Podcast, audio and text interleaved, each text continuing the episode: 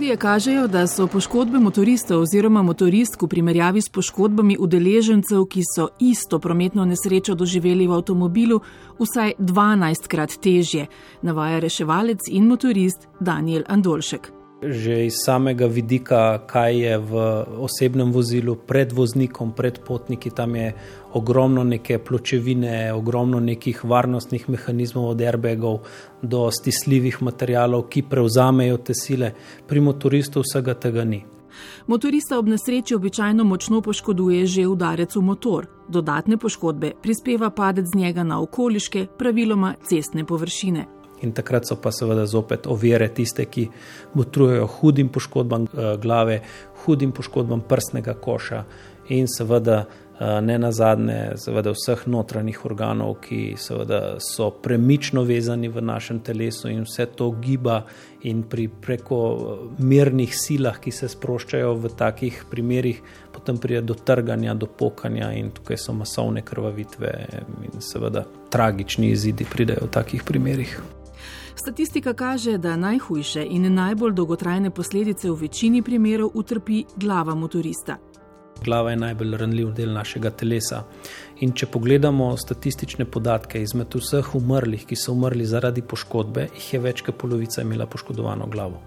To se pravi, glava je tista na prvem mestu, zaradi katerih pač so hude poškodbe, visoke umrljivosti in pa dolge invalidnosti, dolga zdravljenja in rehabilitacije, pa še vprašanje, kakšen si po nekem takem hudem dogodku.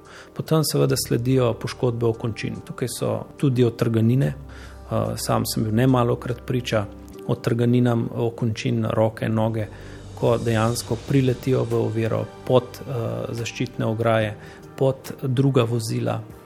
In pa seveda potem pa imamo še poškodbe medenice, izredno huda poškodba, V medenični votlini imamo velike žile, kadar se medenica poškoduje. Medenica prenese blazno visoke obremenitve, ampak ko pa to obremenitev presežemo, potem pa medenica skoraj eh, lahko rečemo, da razpade, kot da bi neko porcelanasto skledo razbil.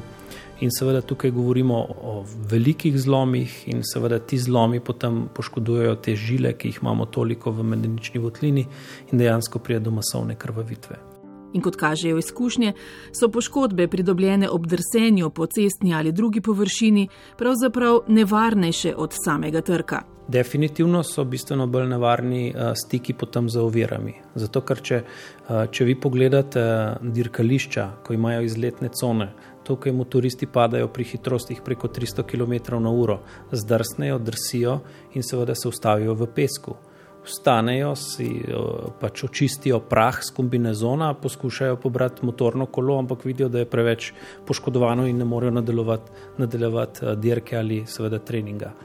To pa naše ceste niso. Naše ceste niso dirkališča, naše, naše ceste so namenjene vsem uporabnikom, ne samo motoristom.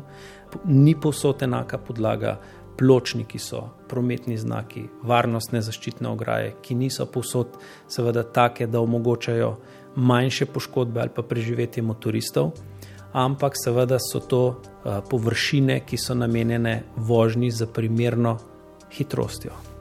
In kot jasno pove dolgoletni profesionalni reševalec na motorju Daniel Andolšek, hitrost je najbolj usoden del enačbe, ki odloča o življenju ali smrti. Predvsem je odvisna od hitrosti.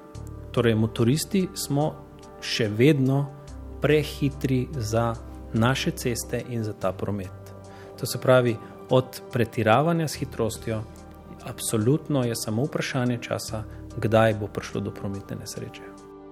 Obvladovanje hitrosti je zato med najpomembnejšimi preživetvenimi strategijami, primerna zaščitna oprema pa tudi lahko doda svoj delež. Pomaga precej pomaga do neke hitrosti. V prvi vrsti nam mora biti vsa ta oprema, ki jo imamo, ki jo uh, veliko stane, nam mora biti popolnoma prav. In ta oprema, ko nam je popolnoma prav, mora biti popolnoma pravilno zategnjena, zapeta, uh, zavezana. Ne vem, kaj bi še tukaj lahko uh, zraven pridal. Seveda, potem pa to deluje do neke hitrosti.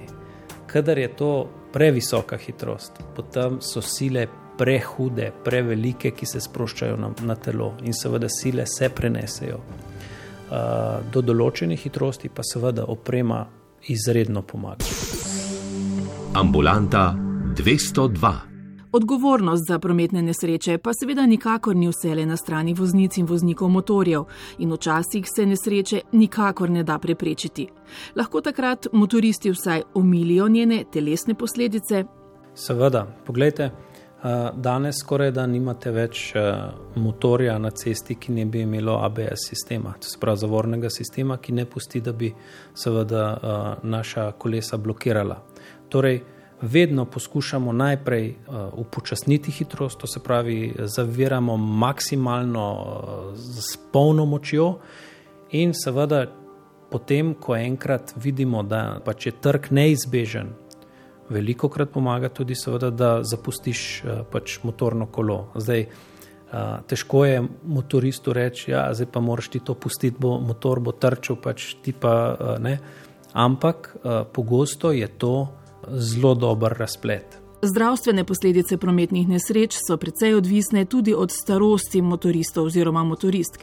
Zaradi finančne dostopnosti lahko imajo zelo močne in hitre motorje mladi, zaradi prestiža jih pogosto kupujajo fantje v drugi puberteti, kot se pošali Daniel Andolšek. In prav v tej skupini nad 40 letom so nesreče, tudi usodne, vse pogostejše.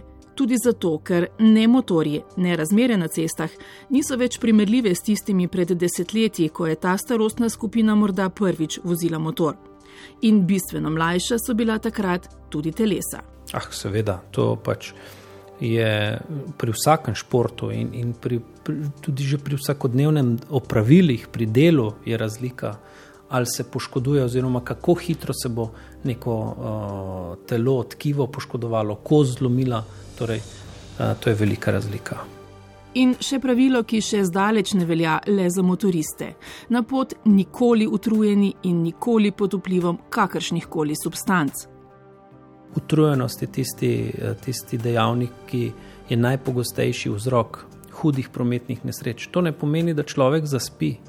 To pomeni, da človek nima več koncentracije in v kritičnih situacijah spregleda tisto, tisti signal, tisto rdečo luč, katerega bi moral prepoznati. In tukaj govorimo o sekundah. Če mi nekaj spregledamo, ne moremo preprečiti. Ambulanta 202.